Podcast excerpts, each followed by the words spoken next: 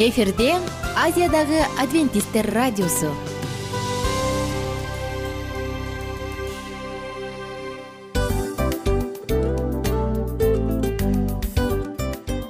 Достор салют. Баардык сүйүктүү угармандарыбызга салам айтабыз. Кутман күнүңүздөр менен. Ден соолук өмүрдүн булагы демекчи саламат саамы программасында баарыңыздарды көргөнүбүзгө абдан кубанычтабыз. Анда алгач амандашып өтөлү арбаңыздар деп. Ден соолугуңуздар кандай элибизде көбүнчө ден соолук кандай дегенде эле жакшы деп жооп беребиз э? ооруп турсак дагы жакшы дейбиз. Анан мен муну айтып ойлойт элем бул абдан сонун сөз депчи анткени бул жакшы деген үмүт да э ооба баары жакшы болот. Баары сонун. Деп үмүттөнүп атып эле өзүбүздү өзүбүз дарылап коебуз. Анысы кандай? Сиздин дагы ден соолугуңуз жакшы беш деген үмүттөбүз чындыгында ден соолук бул өмүрдүн булагы деп бекеринен айтылган эмес деп ойлойм. Кыргыз элинде анткени эгерде ден соолук жок болсо анда адамдын жашоосунда калган баардык керектүү маңыздуу нерселер өзүнүн баалуулугун жоготуп коет. Ошондуктан ден соолук бул эң керектүү нерсе. Ооба туура айтасың кесиптешим. Чынында ден соолугуң жок бир эки үч күн ооруп калсаң эле э кандай болуп калат? Жашоодо көз каранды болуп каласың көп нерсеге жетишпей каласың көп нерсени кыла албай каласың жада калса эшикке дүкөнгө да чыга албай каласың. Туптуура анан ден соолук болсо демек биз биздин бактыбыз тоодой деп койсок болот. Анда достор саламат рубрикабызды баштайлы. Алдыда өзүңүзгө керектүү болгон сонун кеңештерди уга аласыздар. Мына ошондуктан биз менен бирге болуңуздар. Ал эми биз болсо милан жана айнура. Кеттик алга. Алга саламат саама ден соолуктун жарчысы. Саламат саама ден соолуктун ачкычы. Күн сайын сиз үчүн мыкты кеңештер сонун жаңылыктар кызыктуу фактылар. Биздин рубрикада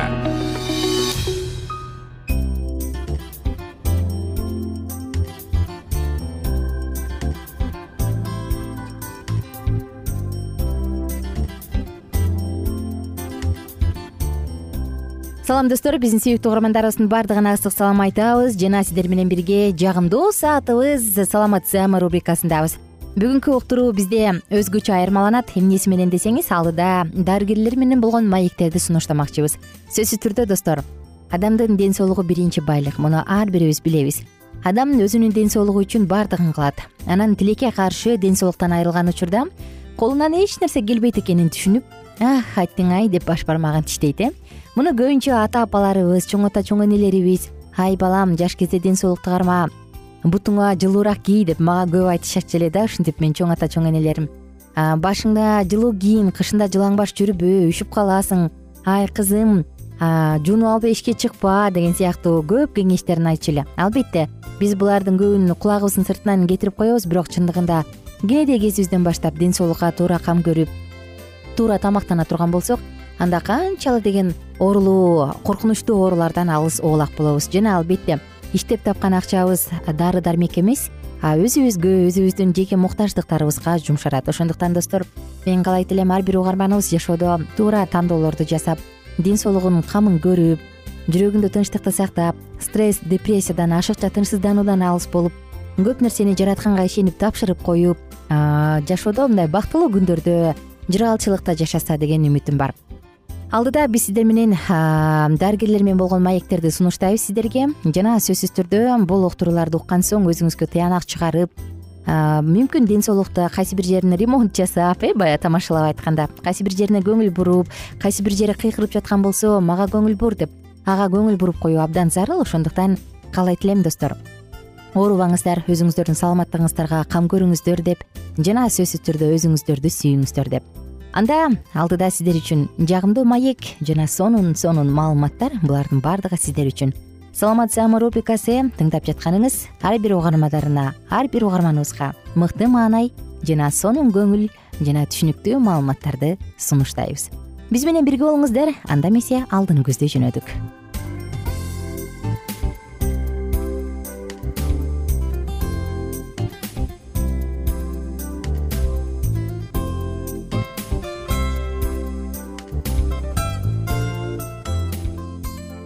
достор бүгүн биздин төрүбүздө дагы коногубуз бар. Эне жана баланы коргоо улуттук борборунун педиатр аллергологу туратбекова калия туратбековна. Саламатсызбы? Кош келипсиз. Саламатчылык. Э, иштериңиз жакшыбы ден соолугуңуз жакшыбы маанайыңыз рахмат рахмат баары жакшы. Төрүбүздү көргөнүбүзгө абдан кубанычтабыз. Сизди чакырганыбыздын себеби бекер эмес. Себеби бар. Бул кандай десеңиз биздин көрүүчүлөрүбүз э, суроо беришкен да саламатсыздарбы? Балам нече өтүп жатат? Кантип дарыласам болот? Кайсы учурда инфекция кайсы учурда бул инфекция эмес экенин кантип айырмаласа болот? Анткени баягы баарыбыз билебиз э бала кичинекей бир төрт беш айбы жаңы төрөлгөнбү айтор ичи өтө баштайт го? Мындай учурда ошол баланын ичи өткөндөн кийин анын заңынан анда инфекция бар экенин же анда бир башка себеп экенин кантип билсе болот? Айырмаласа болобу деги эле. Сөзсүз. Айырмаласа болот бул кандай айырмалайбыз? Э, заңдын саны болот да. Мисалы үчүн бала э, бир күнүн ичинде канча жолу заңга барды? Заңдын өңү кандай болду? Бул экинчиден. Заңынын жанагы консистенциясы кандай болду? Мисалы үчүн саны беш алтыдан э, өдө жогору болсо бир күнүн ичинде. бир күнүнүн ичинде. Бул обезвоживание катары кетип калат да. Анан кийин сөзсүз өңү өңү кандай болот? Сары болушу мүмкүн жашыл болушу мүмкүн ак деле болуп кетиши мүмкүн мисалы үчүн. Анан андан кийин дагы консистенциясы кандай? Пюре катары кээ бирөөлөрдүкү болот кээ бирөөлөрдүкү суудай эле болот апалар айтып келет да шаркырап эле эмеси заңына эчтеке жок суюк бирок да. Анан кийин дагы кээ бирки ата энелер айтат суунун ичинде дагы мындай майда майда тамактар чыгып кетет. Бул дагы кандай деп суроолор менен келишет да. Ошол үчүн заңдан сөзсүз ата эне менен отуруп туруп сураш керек тактап алыш керек да. Заң кандай канча маал сөзсүз э, заңынан көп нерсени мынтип жыйынтылса болот да. Анан ошол баягы заңды консистенция деп айта кетпедиңизби? Кээде баягы былжыр сыяктуу бир нерсе бар болсо инфекция бар деп же болбосо инфекция жок деп билсе болобу көбүнчө бул инфекциялык ооруларда ушундай көйгөйлөр жаралат го көп күн ичи өтүп обезвоживание болуп каны катып дегендей. Мисалы үчүн өңү жашыл болсо анын ичинде жанакы былжыраган слиздер бар болсо то аны биз сөзсүз анализге жөнөтүшүбүз керек да. Анткени демек бул эмнеден кабар берет эмнеден кабар берет? Бул инфекция бар экенин кабар берет да. Бирок биз тактап алыш үчүн сөзсүз түрүндө инфекция барбы же жокпу деп так ата энеге айтыш үчүн биз анализди тапшырышыбыз керек да богунчу анализдин ичинде уже инфекция катары бул лейкоциттер жооп берет да. Ал уже жогору болсо то биз ата энеге сөзсүз айтабыз да. Инфекцияңыз бар экен. Мисалы үчүн сиздин учурда сизге антибиотиктерди жазып беришибиз керек. Анан ар бир учурда антибиотик баланын салмагына жараша саналып туруп анан кийин ата энеге туура түшүндүрүп берилет да. Бирок бул мен ойлойм антибиотикти колдонуу в крайнем случае деп коет го такырында айла жок болгон учурда э. Сөзсүз. Ата эне мисалы үйдө баланын ичи күнүнө беш жолу өтүп атат деп коелу беш алты жолу. Ошондой учурда үйдөн кантип жардам бере алат баягы? Каны катып кетпеш үчүн бала өзүнүн салмагын тез жоготуп табитин жоготуп койбош үчүн эмне кылып жардам бере алат? Биринчиден бала беш жолу дагы заңга барып атса сөзсүз бул биринчи учурда доктурга барыш керек кайрылыш керек да. Бирок эми мисалы үчүн э, азырча азырынча бизде айылда деле турган адамдар бар туурабы. Анан алыс болуп калышы деле мүмкүн. Ошол үчүн э, обезвоживание болбош үчүн сиз өзүңүз үйдөн э, аз аздан бат баттан бирок тез тезден сууну беришиңиз керек да. Бул биринчиден. Экинчиден баланы диета карматтырыш керек да. Үчүнчүдөн бул жанакы э, гигиеналык нормаларды сакташ керек сактаныш керек болот да ошол. Биздин коногубуз калия туратбековна айта кетпедиби диета кармаш керек деп э? Көрөрмандарга кайрылгым келип турат. Дал ушул тууралуу биз дагы бир видео тартканбыз. Ошол видеодон кененирээк маалымат алсаңыз болот. Кандай диета кармаш керек кантип кармаш керек? Жана суюктук дегенде эмне суюктукту бериш керек э? Кээде биз суюктук десе эле сууну эле улам улам берип баланы кыйнап калабыз го бирок бул туура эмес жакшы биздин э, карамагыбыздагы убакыт соңуна келип калды. Ошондуктан биз э, бул видео көрүүбүздү дагы жыйынтыктачу маалдабыз достор жалпыңыздар менен убактылуу гана коштошобуз. Эгерде ардактуу көрөрман сизде ушул тууралуу суроо бар болсо деги эле ден соолукка байланыштуу ар кандай суроолор бар болсо анда сөзсүз түрдө бизде саламат клуб сайтынан youtube каналына кириңиз дагы комментарий калтырыңыз. Эмне жөнүндө уккуңуз келет кандай программаны уккуңуз келет биз сизге жооп берүүгө даярбыз. Жалпыңыздар менен кайрадан амандашканча кызматыңыздарда мен айнура миназарова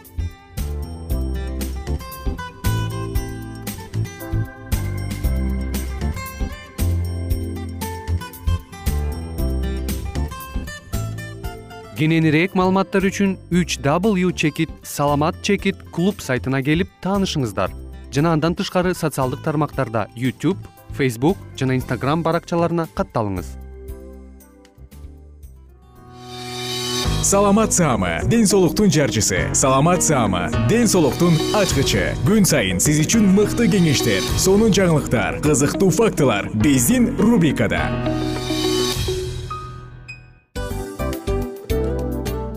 салам достор. Кайрадан биздин сүйүктүү рубрикабызга кош келиңиздер деп айтмакчыбыз. Баардык замандаштарыбызга арбаңыздар деп саламыбызды айтабыз. Улуу ушундай бир урматтаган учурашуу менен анан дил маек радио баракчабызга чакырабыз. Негизи дил маек биздин рубрикабызда эмне жөнүндө кеп кылабыз бул дил маектин мааниси эмнеде рубрикабыз менен кичине тааныштырып кетсеңиз. Сөзсүз түрдө тааныштыра кетейин кесиптешим суранычы боюнча бул учурда бул радио баракчада биз ар тарап кесип ээлеринен сонун кеңештерди алабыз сүйлөшөбүз сырдашабыз. Аталарыбыздын эжелерибиздин апаларыбыздын кеңештерин угабыз айтор жан дүйнөгө адамдын э, сапатына адамдын деги эле адам болуп жашашына керектүү баардык кеңештер алдыда негизи э, дил маек дегенде баягы эки адамдын ортосундагы сырдашуу кенен сүйлөшүү. Негизи эле биз адамдар бири бирибиз менен бир жерге жай жерге отуруп алып өзүнчө тынч э, жашоо жөнүндө өмүрүбүздө эмне болуп атканын бөлүшкөнү жакшы көрөбүз э адамдар. Ооба туура айтасың анан мындай учурга кээде убакыт да жетпей келет э? Же болбосо сырыңды кайгыңды муңуңду кубанычыңды айткың келет а адамга ишенбешиң мүмкүн. Ооба. А бул радио баракча угармандарыбыздын чыныгы досу анткени бизден алган кеңеш сиздин жашооңузга чоң жардам берет. Ал эми сиздин бизге айта турган сөзүңүз ортодо гана сыр бойдон калат. Ошондуктан биздин дил маек рубрикабызга дагы бир жолу кош келиңиздер. Жана биз даярдаган маалыматтарга даяр болуңуздар. Айнура жана милан сиздер менен бирге алдыга кеттик ар түрдүү ардактуу кесип ээлеринен. Алтын сөздөр жүрөк ачышкан сыр чачышкан сонун маек. Дил маек рубрикасында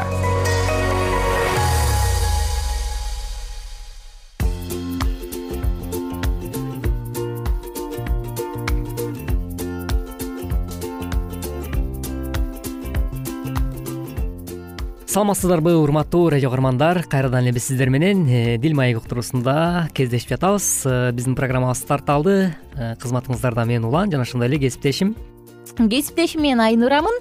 Жалпы сүйүктүү угармандарыбызга ысык салам айтабыз. Салют салют салют дейбиз дагы кыз жигит темасына арналган теманы уланталы мен кесиптешимден сурагам канча жыл сүйлөштүңөр эле деп ошондо силер бир жыл официалдуу түрдө сүйлөшкөнбүз дедиңер э анан сен кантип түшүндүң? Ушул адам сенин адамың экенин сенин жарымың сенин кабыргаң экенин кантип түшүндүң?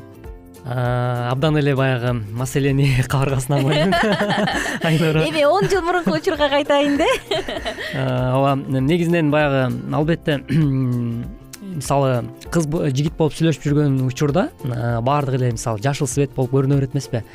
Анан негизи меники мындай өзгөчө айырмаланып менин жашоомдо мындай дароо эле аны мындай сүйүп кала алган жокмун. Дароо эле аны жакшы көрүү бир сезимдер болуп кеткен жок албетте. Бирок биз ошол чогуу иштешип жүргөндүктөн мындай иштешип жүргөн убакта сүйлөшүп жүргөн убакта. сүйлөшүп жүргөн убакта эле ошо бир э, кызматта чогуу иштегендиктен анан мындай сүрүлүүлөр болду да. Ортодо экөөбүз урушуп кетебиз. Э, анткени ал менин жетекчим катары да болчу. Мен алдында иштечүмүн да. Анан кээ бир нерселерди баягы аткарбай койгон учурлар болот. Анан ошол сүрүлүү мындайча айтканда баягы Э, бири бирибизге карата болгон мамиледе э, ошол учурда мындай сүрүлүү э, болуп баштады. Да ошондо мен баамдап баштадым. Анткени мисалы буга чейин айрым бир кээ бир мисалы кыздар менен таанышасың сүйлөшөсүң дегендейчи анан байкаштырып салыштырып баштайт экенсиң да. Мүнөзүн анын сага кылган мамилесин.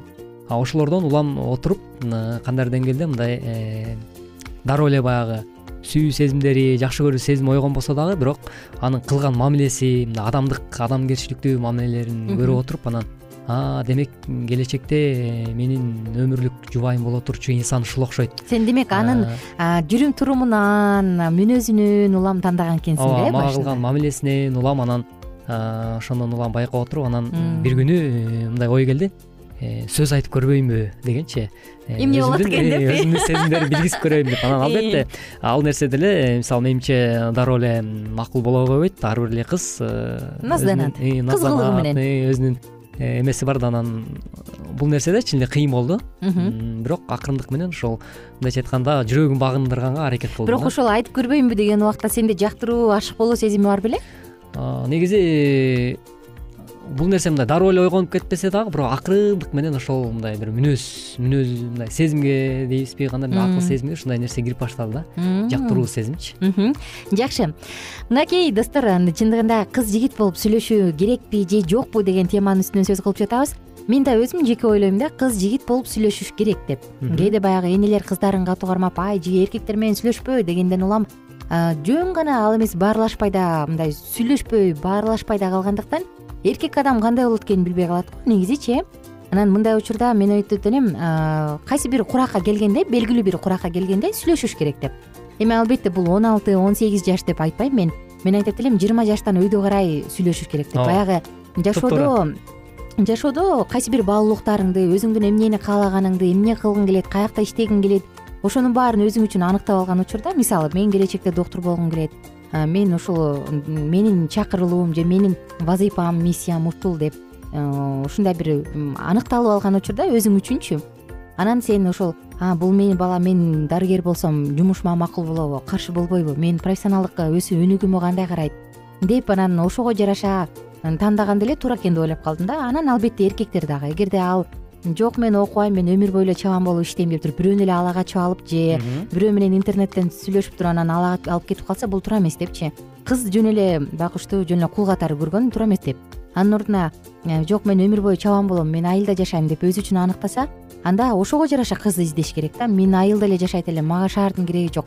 Менин ушу беш уюм болсо саап сүтүн өткөрүп эле жашайт элем ыраазы болот элем деген кыз издеш керек депчи ылайыктуусун издеш керек го деп ойлойм да. Анан албетте муну издеш үчүн ал сүйлөшүш керек. Ал адам кызыгуусун эми сүйлөшөт десе эле сөзсүз түрдө эле кыз жигит болуп болду сен меникисиң мен сеникимин деп эмес. Жөн гана сүйлөшүү керек депчи. Анан качан ошол сүйлөшүүң тереңирээк деңгээлге кире баштаганда анда бул адам менин адамым экен дей баштаганда кыз жигит катары сүйлөшүп көргөн жакшы го деп. Негизи эле мен ойлойм ушул мамилелердин баягы этаптары бар го кээде тасмалардан көрүп биздин мамилебиз жаңы этапка чыкты. Биз эми бүгүндөн баштап болочок колукту болочок келинбиз деп ушул сыяктуучу ошол ар бир стадияда адамдын ачылып берүүчү мүнөздөрү бар болуш керек. Мисалы сен болочок жолдошуңан болочок жолдошуңан азыркы мисалы жөн эле кесиптешиң болуп кесиптешиңден күткөн мамилени күтпөйсүң. Анан албетте ага андай мамиле кылбайсың э. Анысы кандай мен ойлойм бул үчүн адамдын өзүнө ким керек экенин билиш үчүн кайсы бир белгилүү курактан баштап сүйлөшүү керек деп. Ооба туптуура айттың э, кесиптешим чындап эле баягы көбүнчө бул мырзаларга тиешелүү нерсе. Э, жыйырма жаштан жогору жогорку мырзалар э, ошол кыз жигит болуп сүйлөшүүгө мындай толук ошол дооро куракка келгенден баштап сүйлөшүп баштаса бул туура деп ойлойм да. Ал эми он жети он сегиз он алты жаштан баштап эрте мисалы кыз мындай кыз жандаган негизинен бул бир аз баягы психологиялык жактан дагы сен ага даяр эмессиң бул жөн эле баягы айтып коет го тоок сый депчи анан ошондой болуп калышы мүмкүн да. Анын натыйжасынан мисалы кесепети Э, туура эмес бир ыпластык туура эмес нерселерге дагы дуушар кылып калышы толук ыктымал мисалы мен өзүмдүн улам айтсам ошо жыйырма жаштан өткөндөн кийин жыйырма эки жашыман баштап ошо сүйлөшүп баштадым. Анан жыйырма үч жашымда э, биз баш коштук да. Жакшы. Анан мен ойлойм ушу психологдор бекеринен үй бүлө куруу убактысы жыйырма үчтөн жыйырма жетиге чейин деп. Кыз баланыкы жыйырма үчтөн өйдө эркектики жыйырма жетиден өйдө деп бекер бөлбөсө керек депчи анткени жыйырма жетидеги адамды элестетсең ал баягы чоң окууну бүткөн билими бар э, иштей турган конкреттүү көздөгөн максаты бар конкреттүү жумушу бар бир үй бүлөнү камсыздай алат анан жашоодо эмнени каалайт экенин түшүнгөн адам да. Бул эми жетилип калган эр жеткен адам да. Жыйырма жетидеги эркекти элестетсең анан албетте жыйырма үч жаштагы кызды элестетсең ал чоң окууну бүткөн бир билимди алган кругозору кенен мындай жашоодо жөнөкөй эле. Балага кандай памперсти кийгизиш керек бала эмне үчүн ыйлайт э, күйөөгө кантип тамак жасап бериш керек же болбосо жөнөкөй эле э, үйдө отуруп чүнчүп кетпеш үчүн жумушка барып келген убактысы өзүнө бөлгөн убактысы баарын тең өзү үчүн аныктап алган кыз да. Бул дагы абдан маанилүү деп ойлойм. Жакшы биз кийинки уктурубузда ушул теманы улантабыз. Достор азырынча болсо сиздер менен коштошчу маалга келдик. Жалпыңыздар менен коштошобуз. Жалпыңыздар менен коштошобуз урматтуу угармандар. Бизге э, назар салып көңүл бурганыңыздар үчүн чоң рахмат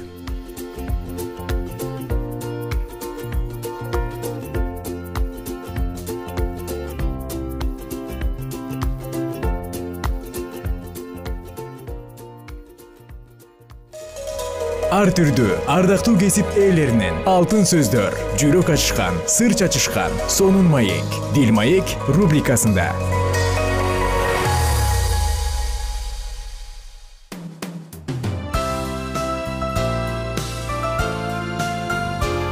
Эфирде азиядагы адвентисттер радиосу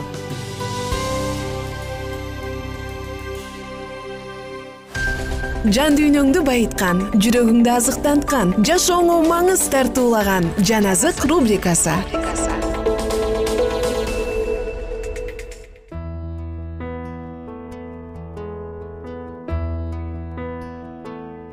Салют достор биздин угармандарыбыздын баардыгына ысык салам айтабыз. Сиздер менен жадыраган дагы бир күндө үн алышканыбызга албетте кубанычтабыз кесиптеш кандай? Абдан сонун саламатсыздарбы ардактуу биздин алтындан кымбаттуу сүйүктүү радио угармандарыбыз жана мен мага деле салам айтып койсоң кесиптешти э, кесиптеш кандайсың анан рахмат. Достор биз сиздер менен бирге э, бүгүнкү дагы бир чыгарылышыбызды баштадык. Бүгүнкү темабыз уланат э сабырдуулук жөнүндө. Сабырдуулук деген эмне? Сабыр деген эмне? Жана албетте сиздер менен бирге бул уктурууду дагы кайсы бир жагынан болсо да бир аз болсо да ачып өткөнгө аракет кылабыз ооба анда эмесе урматтуу угармандар кызыктын баары алдыда сиздер болсо биздин толкундан эч кайда которулбай. Биз менен биргеликте калыңыздар дагы. Сабырдуулуктун негизи эле э, кандай түшүнөсүз жана сабырдуулук туурасында сиздин ой пикириңиз кандай? Ушул туурасында бүгүнкү уктуруубузда биз сиздер менен чогуу маек жүргүзмөкчүбүз кесиптеш мен сабырдуулук жөнүндө э, википедиядан издеп атып интернеттен издеп атып интернет булактан википедиядан бир сонун маалымат таап алдым бөлүшө кетпейинби кандай дейсиң? Албетте кандай эмесе бөлүшүчү ал мындай дейт э, сабырдуулук түсүнүгү дейт диний согуштар дооруна байланышкан. Баштапкы мааниси боюнча ал католиктер менен протестанттар келишүүгө аргасыз болгон компромиссти билдирет дейт. Кой эми сабырдуулукту көргөзөлү деп туруп компромисске келгенин түшүндүрөт дейт. Кийинчерээк макулдашуу эрежеси катары сабырдуулук агартуу доорунун либералчыл аң сезимине сиңейт дейт. Тагыраак айтканда бул диний чөйрөдө пайда болгон сөз дейт он сегизинчи он тогузунчу кылымдар аралыгында францияда беневецкий князи талейран пегерор перигор жашаган. Ал башка баягы өкмөткө тышкы иштер министри боюнча бойдон калгандыгы менен белгилүү. Түркүн тармактарда өнөрүн көрсөтө алган толеранттуу таланттуу адам болгон. Бирок анын эң башкы өзгөчөлүгү айланадагылардын маанайын эске алып урмат сый менен мамиле жасай билгендиги баардык адамдардын кызыкчылыгын алда канча өз колдугунан жок издегендиги дагы белгилүү болгон дейт. Ошол эле учурда толеран өз принциптеринен дагы тайбай кырдаалга жеңдирбестен ишти жөнгө салуу ыгын таба билген. Ушул адамдын атынан толеранттык түшүнүгү келип чыккан дейт. Карасаң демек ушундай толейран аттуу адамдын негизинде ал ушундай элдер менен сүйлөшө билгендиктен мамиле жасап башкалардын кызыкчылыгын өзүнүкүнөн бийик койгондуктан кийинки кылымдарда ушул толеранттык деген сезим пайда сөз пайда болуп турат. сөз пайда болгон экен э? Толеранттык сөзүн сабырдуулук деп которуу эң туура дейт. Бул теги маданияты көз карашы жана адамдык башка сапаттары боюнча айырмаланган кишилерди түшүнүү сыйлай билүү жөндөмү дейт. Карачы кандай сонун айтылган? Абдан сонун эң сонун э, чындап эле мындай жакшы түшүндүрмө э? түшүндүрмө жана сонун окуя экен. Анткени буга чейинки программада биз сабырдуулук жөнүндө программаны алгач эле баштаганда мен айтып өткөм.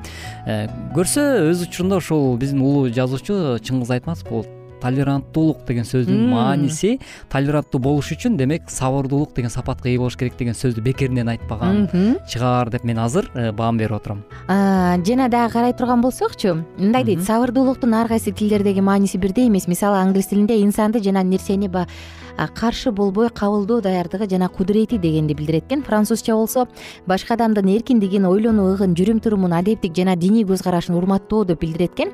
Кытай тилинде башкаларга жол берүү оң кароо айкөлдүк кылууну билдирет экен. Араб тилинде башкаларга кечиримдүүлүк сырылсылык сыпаалык боорукерлик түшүнүүчүлүк кол сунуучулук дегенди билдирет экен. Фарс тилинде сабырдуулук чыдамдуулук элдешүүгө даярдык дегенди билдирет экен.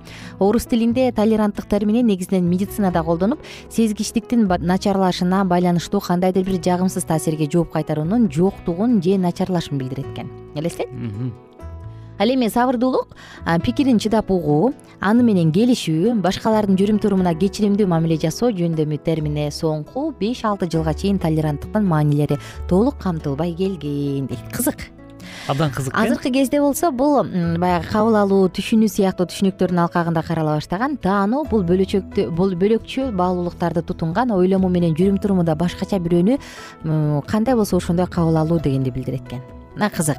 Абдан жакшы чындап эле сонун окуя жана кызыктуу маалымат экен.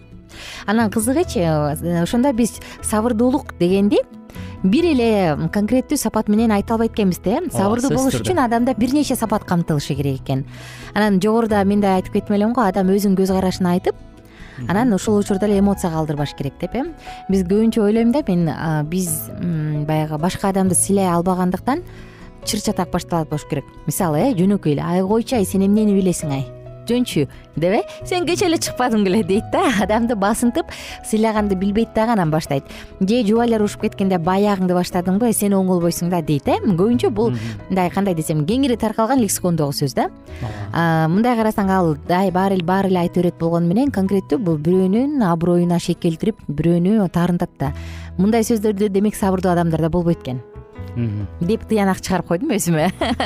Ооба чындап эле ушул критерийлерге мүнөздөмө бере кеткениң абдан жакшы болду. Чындап эле э, биз э, баягы сабырдуулук деген нерсени бир эле сөз менен баардыгын жыйынтыктап бир калыпка салып туруп эч убакта айта албайбыз. Анткени э, жогоруда айтылгандай эле ушул сабырдуулук деген бул баардыгыбызга мындай кээде жетишпеген сапаттай да сезилип кетет да. Анткени ар бирибизге сабырдуулук бүгүнкү күндө мындай кыргызча жалпак тил менен айтканда суудай керек болуп турган учур.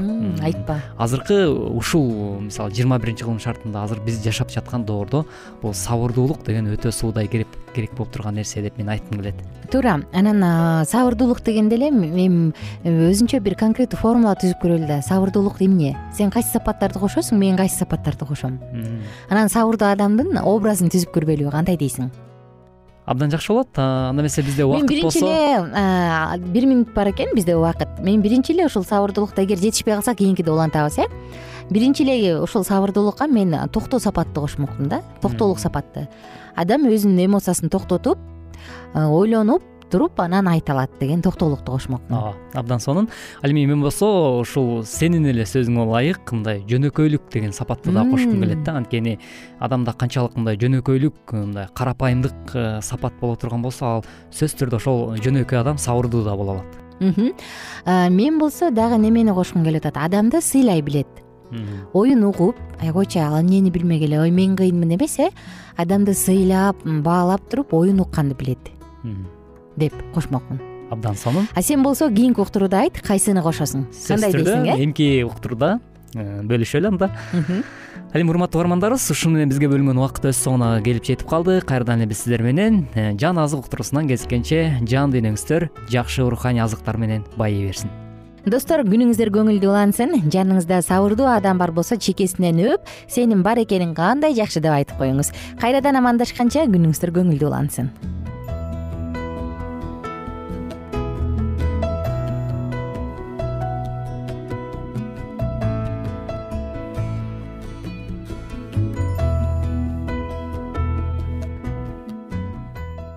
эгер сиздерде суроолор болсо же көбүрөөк маалымат билем десеңиз анда биздин whatsapp номерибизге жазыңыз. Плюс бир үч жүз бир жети жүз алтымыш алтымыш жетимиш. Кайрадан плюс бир үч жүз бир жети жүз алтымыш алтымыш жетимиш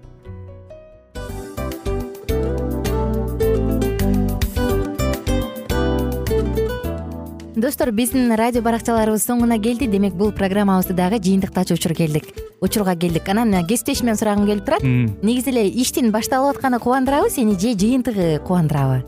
Албетте жыйынтыгы. Себеп дегенде сен кылган ишиңдин жыйынтыгын көрүп э, баягы мөмөсүн көрүп дегендей жыргайсың жүрөгүң жемишинен тартып э кандай даамдуу деп. Баягы буудай сепкенде эмес буудай эгинди жыйнагандан кийин ысык нанды жегенде кадимкидей ырахаттанасың го ой айтпа туура айта кеттиңиз. Сонун салыштыруу болду анан мен дагы абдан кубанып турам. Анткени биз угармандарыбыз үчүн аябай эмгектенип келген уктуруубуздун соңуна келип калдык. Анан эми э, уктуруубуздун соңунда угармандар кандай пайда алып калды экен деп күтүп турам да. Балким э, менин жашоомо өзгөрүү киргизе турган сонун сөздөр болду мен ушул нерсени изилдеп анан кабыл албасам ушул нерсени кылбасам деген чечим чыгарсаңыз анда биз абдан кубанычтабыз. Сөзсүз түрдө. Андыктан кийинки биздин кызыктуу уктурууларыбыздан көрүшкөнчө сак саламатта калыңыздар. Чыдамсыздык менен сиздерди мен милан жана кесиптешим айнура күтөбүз. Баардык угармандарыбызга ийгиликтүү күн каалайбыз. Качан гана болбосун уртуңуздан жылмаюу кетпесин үйүңүздө көмүр жүрөгүңүздө көңүл болсун дейли